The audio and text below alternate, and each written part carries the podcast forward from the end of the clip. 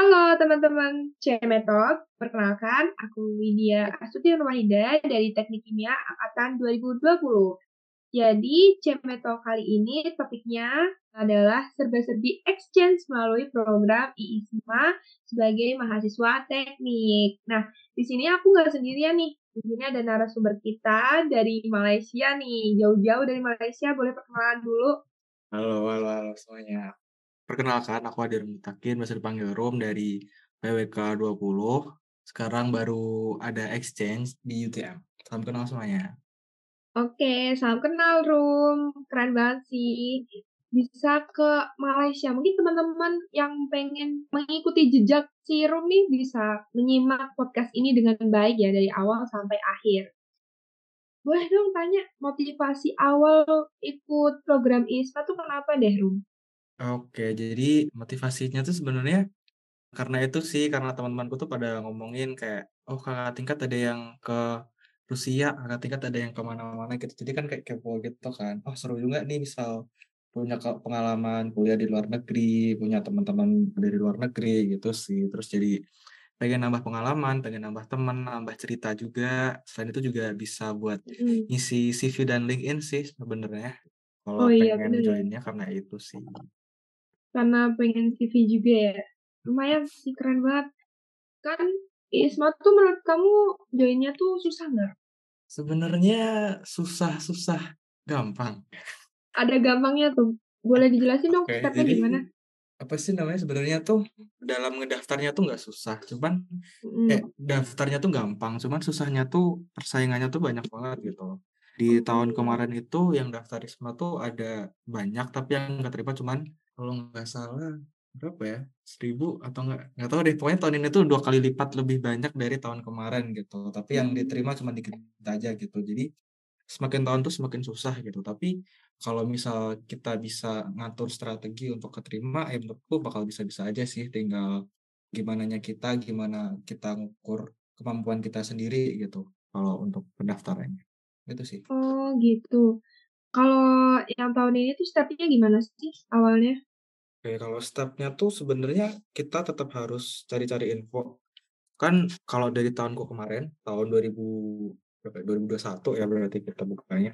Itu tuh dari ISMA-nya tuh buat roadshow tentang bikin apa sih sosialisasi untuk pendaftaran ISMA ini ke beberapa kampus. Tapi UNS itu merupakan kampus terakhiran gitu. Kemarin aku ngikut yang sosialisasi di UGM sebenarnya. Jadi tahu lebih dulu Oh. tentang ISMA. Jadi memang kalian perlu cari-cari tahu dulu sih tentang apa sih ISMA, gimana sih cara daftarnya, kampus apa aja dan apa aja keterbatasan dari ISMA itu gitu. Jadi kayak karena tetap ada konsekuensinya juga kan. Jadi kalian harus tahu itu gitu. Jadi waktu ada sosialisasi aku terus juga ngomong ke dosen, tanya ke dosen gitu gimana kira-kira konversinya gimana gimana gitu kan. Terus Iya. akhirnya aku memutuskan buat join. Jadi dari UNS itu ngebuka 200 kuota uh, tes bahasa Inggris gratis gitu. Jadi di ISMA sendiri itu, ya di ISMA sendiri itu butuh tes bahasa Inggris kan. Jadi ada beberapa pilihan, ada IELTS, ada TOEFL sama ada Duolingo. Di mana IELTS dan TOEFL tuh mahal-mahal banget kayak Iya, 2 iya. sampai 3 juta gitu kan setiap tesnya dan itu juga susah banget gitu. Jadi aku ambil yang gratis aja, aku ikut yang UNS. Itu tuh struggle juga sih waktu ikut di UNS tuh kita perlu ikut pelatihan dulu Oh, 2 pelatihan minggu. dulu. Iya, jadi 2 minggu Mhm. pelatihan nonstop. Setiap harinya 4 sampai 6 jam. Itu diseleksi juga nggak? Iya, seleksinya dari EAP kita dulu. Waktu kita pertama diterima UNS kan kita ada Oh, iya. EAP kan ya. Nah, itu kalau misal nilai kalian A sampai A minus itu bisa ikut uh, pelatihan ini gitu. Pelatihannya cukup capek karena Iya. kayak 6 jam gitu loh, 6 jam nonstop dan dikasih tugas. Itu bikin capek banget. Pelatihannya tuh tiap tahun ada? Karena kemarin tahun pertama jadi nggak tahu sih tahun ini bakal dilanjutin atau enggak, tapi menurutku bakal dilanjutin sih. Mmm. Gitu. Dari UPT Bahasa dikasih latihan gitu, nanti tes juga, tapi tesnya juga reimburse ya teman-teman. Jadi kalian juga perlu siapin dana darurat. Jadi kemarin tuh kita bayar 750 dulu, habis itu ditukar dari UNS gitu. Mmm. Jadi Nah, kita, eee, habis sistemnya bayar dulu, habis itu digan Mhm, diganti gitu? iya. Betul betul. Tapi Oh. tenang aja misal nggak lolos juga tetap dibalikin kok sama UNS. Jadi Oke oke. ya tunggu aja. Habis itu, habis dari UNS itu kita lanjut ke itu, dapat rekomendasi dari rektor dan lain sebagainya buat daftar ke portal ISMA. Jadi di portal ISMA nanti kita diminta buat ngisi banyak SPTJM, surat pertanggungjawaban yang bermaterai, terus ada tes-tes begitu, tes apa sih? Gitu-gitu deh pokoknya. Ntar kalau udah semua tinggal di-submit, ada essay juga, jadi kalian juga perlu siapin essay kalian. Coba deh di data dulu apa sih pengalaman kalian yang udah dicapai dan apa yang emang mau dicapai mumpung belum belum mepet juga buat daftar ISMA, jadi bisa diusahakan dulu. Jadi waktu diminta buat essay, kalian tinggal masukin aja gitu. Banyak kok Oh. tutorialnya di YouTube. Habis Oke itu, oke. habis kita daftar, nanti kita nunggu seming sebulan buat, eee, pengumuman administrasi. Di administrasi itu di cut off 50% gitu. Jadi kalau nggak salah oh ya 7.000 pendaftar tahun ini di cut off jadi 3.500 kalau nggak salah, sorry aku lupa. Itu terus dari situ kita dikasih pengumuman jam 2 subuh, jam 2 subuh tuh dapat info buat interview. Dan interviewnya Wow, jam juga 2 subuh? mendadak banget iya, itu waktu puasa kan, jadi waktu sahur aku Iya. buka tuh, wow keterima, alhamdulillah. Habis itu Wah, alhamdulillah. iya, re rezeki Ramadan juga sih. Berkat Ramadan. Iya bener. Habis itu tuh kita dapat tanggal interview dan yang bikin kaget aku dapat sesi pertama gitu di hari Wow. besoknya. Iya, jadi jam 2 subuh dapat info, Mhm. besoknya itu langsung interview gitu. Padahal malamnya aku angkringan. Jadi Terus kamu nyiapinnya gimana tuh, nyiapinnya? Ya udah sambil berdoa aja, kayak kita ngelis-ngelis pertanyaan gitu, nulis Mmm. pertanyaan, jawab sendiri, terus juga telepon temen buat dia nanyain, entar aku yang jawab gitu dalam bahasa Inggris Oh, gitulah, latihan latihan gitu. gitulah ya. Mhm, benar. Dari situ oh iya kita juga diminta buat tes narkoba sama tes apa ya, bukan tes sih, kayak SKCK, itu juga perlu Oh, uang lagi, iya. kayak tes narkoba itu 300 sampai 500.000, terus tes Mmm. kesehatan sama buat SKCK kayak 30.000 gitu. Jadi tips buat teman-teman semua itu juga meskipun ISMA ini gratis, kalian tetap perlu nyiapin duit sih kata aku, kayak ada banyak biaya-biaya di luar yang menurutku emang kalian perlu aware terhadap itu gitu. Ya Oh. habis itu kalau udah keterima, ya udah keterima deh, gitu. Oh gitu. Kalau is ISMA itu bener-bener full dibiayain? Iya, jadi lumayan banget dapat duitnya. Jadi kalau kalian baru stuck nggak punya duit, daftar ISMA aja. Tuh. Iya. Semangat ya teman-teman pejuang ISMA dapat duit. Nah. Tapi di balik itu pasti ada step-step yang complicated kayak tadi, gitu. Terus ada step lagi nggak setelah itu? Habis itu udah lah ya, kalau keterima langsung berangkat aja gitu, nunggu berangkat? Iya sih, ya itu, eee, paling struggle-nya di pembuatan visa dan lain sebagainya sih. Setelah Oh keterima iya. tuh kita juga perlu masih masih banyak juga tantangan dari ISMA-nya emang, eee, penuh tantangan gitu. Jadi kita ada tugas-tugas individu, kelompok, dan kita dipaksa buat kenal banyak orang, dipaksa buat relas bukan dipaksa sih, emang didorong didorong untuk bukan dipaksa, tapi Mmm. didorong untuk, eee, berrelasi dengan banyak orang gitu dari universitas mana pun gitu. Ada yang dari bahkan yang diterima jangan oh iya, kalian juga jangan berpikir kalau misalnya keterima ISMA tuh bakal yang dari top 3 university doang di Indo, tapi menurutku emang ISMA ini memberi kesempatan buat banyak orang yang terlepas dari background universitasnya, dari akreditasi apa-apalah itu. Karena dari orang-orang yang aku kenal sendiri tuh banyak kok yang dari swasta, banyak yang akreditasinya masih nggak sekeren PTN-PTN gitu. Jadi kayak ikut aja, coba dulu, nobody knows gitu loh, kalau tinggal serahin aja ke Tuhan. Oke. Sebelumnya aku tanya nih, ISMA itu tuh uniknya kita yang milih atau dipilihin? Kalau di ISMA tuh kita dikasih kesempatan buat milih 2 universitas. Jadi kayak misal aku mau daftar ISMA gitu, kita ambil Iya. 2 universitas dan setiap universitas itu kita pilih 4 mata kuliah gitu. Mmm, jadi universitasnya kita mi milih sendiri kayak antara 2 universitas? Iya, pilihannya banyak universitas gitu, tapi kita ya punya kesempatan buat milih 2 universitas yang menurut kalian bisa cocok gitu buat kalian, gitu. Nah, sekarang kamu di universitas apa nih? Aku di University Teknologi Malaysia Johor. Oh, Kayak boleh ITB-nya ceritain dong Malaysia gitu sih. alasannya kenapa tuh milih itu? Oke, sebenarnya ini pilihan kedua sih. Jadi aku pilihan Oh. pertamanya tuh nggak di sini gitu.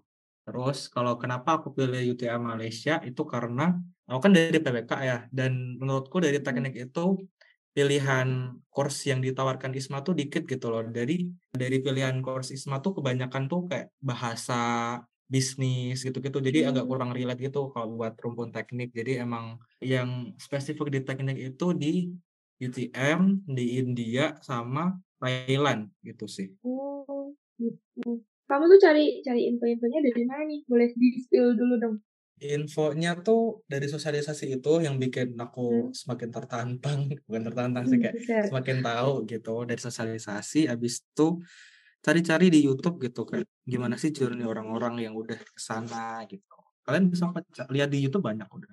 Mmm, eee, terus tuh ada nggak sih kayak kamu waktu persiapan mau daftar nih, kan tadi complicated banget kan kayak syaratnya harus ini, harus itu. Nah, pernah nggak di titik kayak, "Wah, berat banget sih," gitu. Kayak apa hal tersulit yang pernah kamu lalui?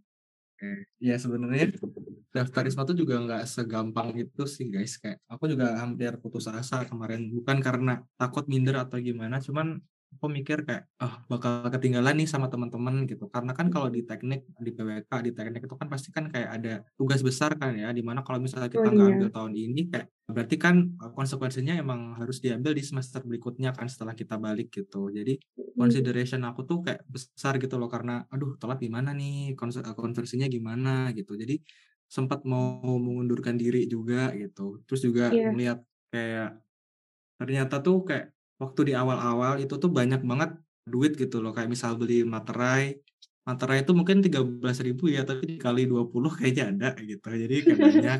Terus Iya iya. tes-tes gitu mhm, gitu sih. Lumayan ngabisin celengan juga, tapi ya worth the price lah, worth it. Nggak boleh ya, jadi intinya tuh konsisten gitulah ya? Mhm, jangan menyerah sama mimpi kalian lah. Terus mau tanya lagi dong, ada nggak sih kan kamu di Malaysia, tapi tuh budaya Malaysia sama Indonesia tuh kayaknya nih ya, nggak jauh beda. Ada nggak sih culture shock yang kamu rasain gitu? Apakah budaya kita tuh kerasa beda banget atau gimana? Iya sih, jadi kan pertama aku juga mikir kayak Indonesia ma mayan banget ya, kayak banyak banget gitu, terutama dari orang-orangnya. Orang-orang Indonesia itu kelihatan banget kalau misalnya di Malaysia, karena satu, orang Malaysia itu lebih diem dari Indo. Jadi kalau misal orang-orang berisik itu biasanya orang Indonesia, karena emang secara natural emang kayaknya mulut Iya. kita emang lebih keras Mulutnya agak gitu. cuap-cuap ya kita ya? Oke, terus? Misal kalian ke kampus, kalian pakai baju kurung gitu, kayak orang-orang formal gitu sih. Jadi kayak, waduh kaget nih, Oh, gitu aja sih. pakai baju k Mhm, kurung? baju-baju kayak, eee, ibu-ibu pengajian gitu loh, ya begitu deh, Oh, gitu. gitu. Oh wow, keren terus dong. juga makanan juga beda banget, mhm, beda, iya iya. Apa tuh beda yang paling beda deh makanannya? Dari makanan tuh, kalau di Indonesia nasi kan nasi biasa gitu ya, kalau di sini tuh kebanyakan tuh nasinya tuh udah dicampur bumbu gitu loh, kayak dicampur Mmm. kalau nggak dicampur santen, dicampur apa sih, kayak bumbu-bumbu gitu loh, jadi nggak ada nasi pure gitu. Jadi kayak Mmm. setiap makan tuh kayak kenyang banget gitu loh. Kalau makanan paling enak pas kamu di Malaysia apa? Paling enak menurut aku adalah nasi kukus. Itu tuh enak banget karena sebenarnya sama aja sih kayak nasi ayam biasa, cuman dia Mhm. tuh kayak apa ya, dia tuh ada karinya. Jadi karinya tuh bukan kari-kari India yang keras gitu rasanya, tapi kayak masih bisa ditolerir lah kayak gulai kayak gulai tongseng gitu. Oke, gulai. Mmm, di sana ada Mhm. rendang nggak sih? Nggak ada ya? Ada Belum ya? nemu sih, belum nemu Belum nemu. belum nemu. Udah udah jalan-jalan ke Malaysia belum? Maksudnya kayak kamu sampai tuh langsung jalan-jalan atau gimana? Kemarin itu waktu sampai tuh kita sebenarnya kita ada kendala juga sih waktu berangkat tuh kita delay-nya lama banget karena ada kendala di pesawatnya. Sampai sini tuh kayak 26 jam, lama banget. Wow, oke. Iya lama di lama di itunya, lama di bandara gitu. Jadi sampai sini tuh Mhm. emang udah tepar banget, tinggal tidur deh. Terus tapi kayak beberapa hari setelahnya kita juga exploring Johor, kita Mmm. jalan-jalan ke mall gitu-gitu sih. Oke oke. Terus fasilitas apa aja sih yang didapetin selama ikut program ISMA ini? Oke, jadi kalau fasilitas yang didapetin tuh sebenarnya kayak pada umumnya kalau beasiswa tuh emang dapat duit ya. Jadi kita tuh dapat beberapa biaya gitulah dari pertama tuh ada tiket pesawat, tiket pesawat tuh bolak-balik dibayarin sama ISMA. Terus kalau misal ada kejadian darurat juga di Indonesia, misal naudzubillah ada yang meninggal gitu, keluarga, Iya. itu kita bisa uh, di-cover sama ISMA juga gitu. Terus buat balik ke Indo dan balik lagi ke negara asal gitu. Terus juga biaya hidup, settlement dan living allowance tuh kayak biaya hidup selama kita di sini gitu. Jadi setiap negara tuh beda-beda, kursnya juga beda-beda, tapi itu menurutku cukup banget dan bisa lebih sih menurutku kalau misal pesangon dari ISMA-nya itu. Terus juga kita juga ada dana ada PCR atau Hmm. kita harus uh, isolasi mandiri, eh isolasi mandiri ya kayak misal kita sampai negara terus kita harus isoman gitu, itu dibayarin juga sama ISMA gitu-gitu Oh, sih. wow, oke. Jadi emang semuanya di-cover, benar-benar di-cover. Biaya Wah, pendidikan juga banget. di-cover gitu. Berarti kita kita dapat pesangon juga ya, ya Allah, keren banget. Jadi pengen, Iya, iya. tapi pengennya Coba pesangonnya aja doang. masih bisa. Apa? Pengennya pesangonnya doang. Aduh, duh, duh. Semua Nggak, juga mau sih. Bisa buka toko di Solo. Iya ya? Kalau Iya misalnya lumayan. biaya hidup di Malaysia mahal nggak? Kurang lebih sama kayak di Jakarta sih. Jadi Oh, nggak sama agak kayak di Solo, kalau ya? Solo jauh banget sih. Tapi kalau sama tinggi. Jakarta ya kurang lebih sama. Hmm, oke. Terus kalau tips-tips ala kamu nih biar lolos ISMA tuh gimana sih? Tips-tips buat lolos ISMA. Satu, kalian perlu cari informasi sebanyak mungkin. Nggak Hmm. cuma informasi positif, tapi juga kayak kekurangan dari ISMA itu kalian juga perlu tahu. Kayak misal konversi dan lain sebagainya itu kalian juga perlu tahu. Kalau emang nggak ada di Google, kalian bisa tanyain power di tahun sebelumnya yang udah balik. Kayak misal, misal kalian juga bisa tanya-tanya ke aku gitu gimana. Anak-anak UNS ya terutama kayak konversinya gitu tuh, kalian juga bisa Hmm. tanya-tanya. Ada beberapa juga kok yang dari teknik, terus juga yang perlu disiapin tuh bahasa Inggris juga dipraktekin aja tiap hari, nontonin film, nonton uh, dengerin lagu, ntar juga lama-lama mungkin bisa uh, lancar juga. Habis itu apalagi ya? Berdoa sama nyiapin Iya uh, uang itu aja sih buat pendaftaran dan lain sebagainya. Bukan pendaftaran sih kayak nyiapin materai dan lain sebagainya. Oh, iya. Mungkin lebih intinya ke power of doa kali ya. Ya udah doa punya juga perlu banget. iya, punya niat harus di, didukung sama jalur langit. Yes, betul. Terus kalau misalnya ikut ISMA itu tuh sistem konversi SKS-nya gimana, Rum? Nah itu kayak konversi SKS tuh susah sekali gitu. Jadi Oh, beda-beda tergantung kampus juga. Gitu. Hmm. Ada temanku yang bisa dapat 20 sampai 21, tapi Wow. ada juga yang sama sekali nggak dapat. Ada juga Hah? kalau dari Ada yang nggak iya, iya tergantung kampusnya memang. Jadi Oh, gitu. kalau nggak dapet tuh bukan bener-bener kayak nggak berguna gitu, nggak, tapi kayak jadi pendamping ijazah gitu loh. Oh Jadi iya iya. misal, tapi jadi kita tetap harus ngambil matkul yang ditinggal gitu. Terus Mm-mm. kalau buat aku, kalau di UNS sendiri ya, aku juga riset ke teman-teman yang dari teknik juga. Dari industri PWK itu kebanyakan dapat 12 SKS gitu. Oh, Jadi 12 cukup SKS. Lumayan ya, banget. ya lumayan lah. Daripada nol lumayan. Iya. Daripada nol lumayan banget sih. Heeh. 12 SKS. Terus kalau ada nggak sih kan waktu wawancara tuh pasti kita kan deg-degan. Nah, biar nggak deg-degan tuh kamu ngapain? Sorry, gimana? Kan kalau misalnya kita mau wawancara kan ada tahap wawancara? Oh, oh Ingat kan? iya, iya, iya, sorry aku lupa tadi ada tahap wawancara interview. Nah, Hmm. itu kan pasti deg-degan. Biar nggak deg-degan tuh gimana? Kalau kamu? Sebenarnya tetap deg-degan sih menurutku kalau misal meskipun kalau udah pro juga kalau tetap ketemu interviewer tetap pasti ada deg-degannya. Jadi let it flow aja, jawab pertanyaan yang emang dipertanyakan, to the point aja ya, nggak usah muter-muter. Tapi sebisa mungkin kalian tetap ngejual diri kalian mahal gitu loh. Misal kemarin aku tuh Oke. ditanyain kayak kan aku nggak pernah ngekos nih ya. Aku emang dari lahir di Solo, SD sampai kuliah aja di Solo gitu. Jadi kayak nggak pernah ngekos gitu kan.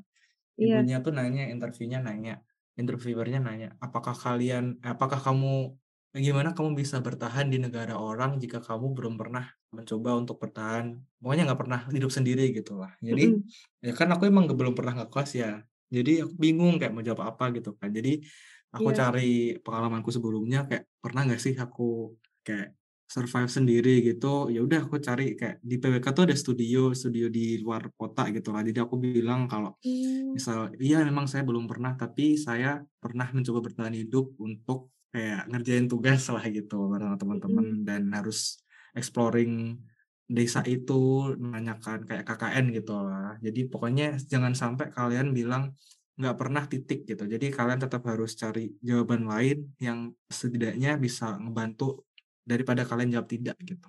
Oh Gitu. gitu. Itu berarti pertanyaan yang paling kamu inget ya? Atau ada pertanyaan yang paling susah dilupain ya? Itu sih yang paling ingat karena emang aku belum pernah sama sekali yang namanya kos Hmm. gitu. Jadi berkesan banget Iya. tuh. Bener-bener dari lahir sampai kuliah ya di Solo terus. Iya, aku cinta Solo banget ini. Banget sama Solo. Tapi keren banget sih. Jadi kita harus nyari jawaban yang selain tidak gitu. Yang penting jangan jangan sampai stuck gitu kan. Tapi juga Eh, kita nggak boleh sombong gitu kalau di oh nggak boleh sombong juga. tetap Contohnya gimana Gimana ya contohnya? Nggak bisa sih kayak emang yang penting kalian jangan kalian tetap harus ngejual mahal tapi nggak boleh sombong gitu. Jangan Oh yang ketinggian lah harganya. yang yang intinya mungkin kayak lebih ke ada buktinya gitu kali ya. Mm-mm. Bukan yang iya saya tuh dulu pernah gini-gini gitu. Itu jangan. Hmm, oke oke oke. Terus kita tuh suruh ngumpulin motivation letter juga nggak? Motivation letter itu dipakai waktu seleksi di UNS.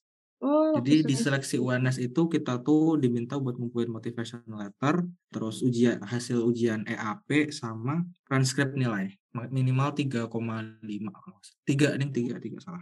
Oh, boleh ini nggak eh, jabarin konsep motivation lettermu itu gimana? Motivation letter kalau di UNS menurutku semuanya bakal keterima sih, tapi mungkin aku bakal cerita yang di isai di ISMA aja ya.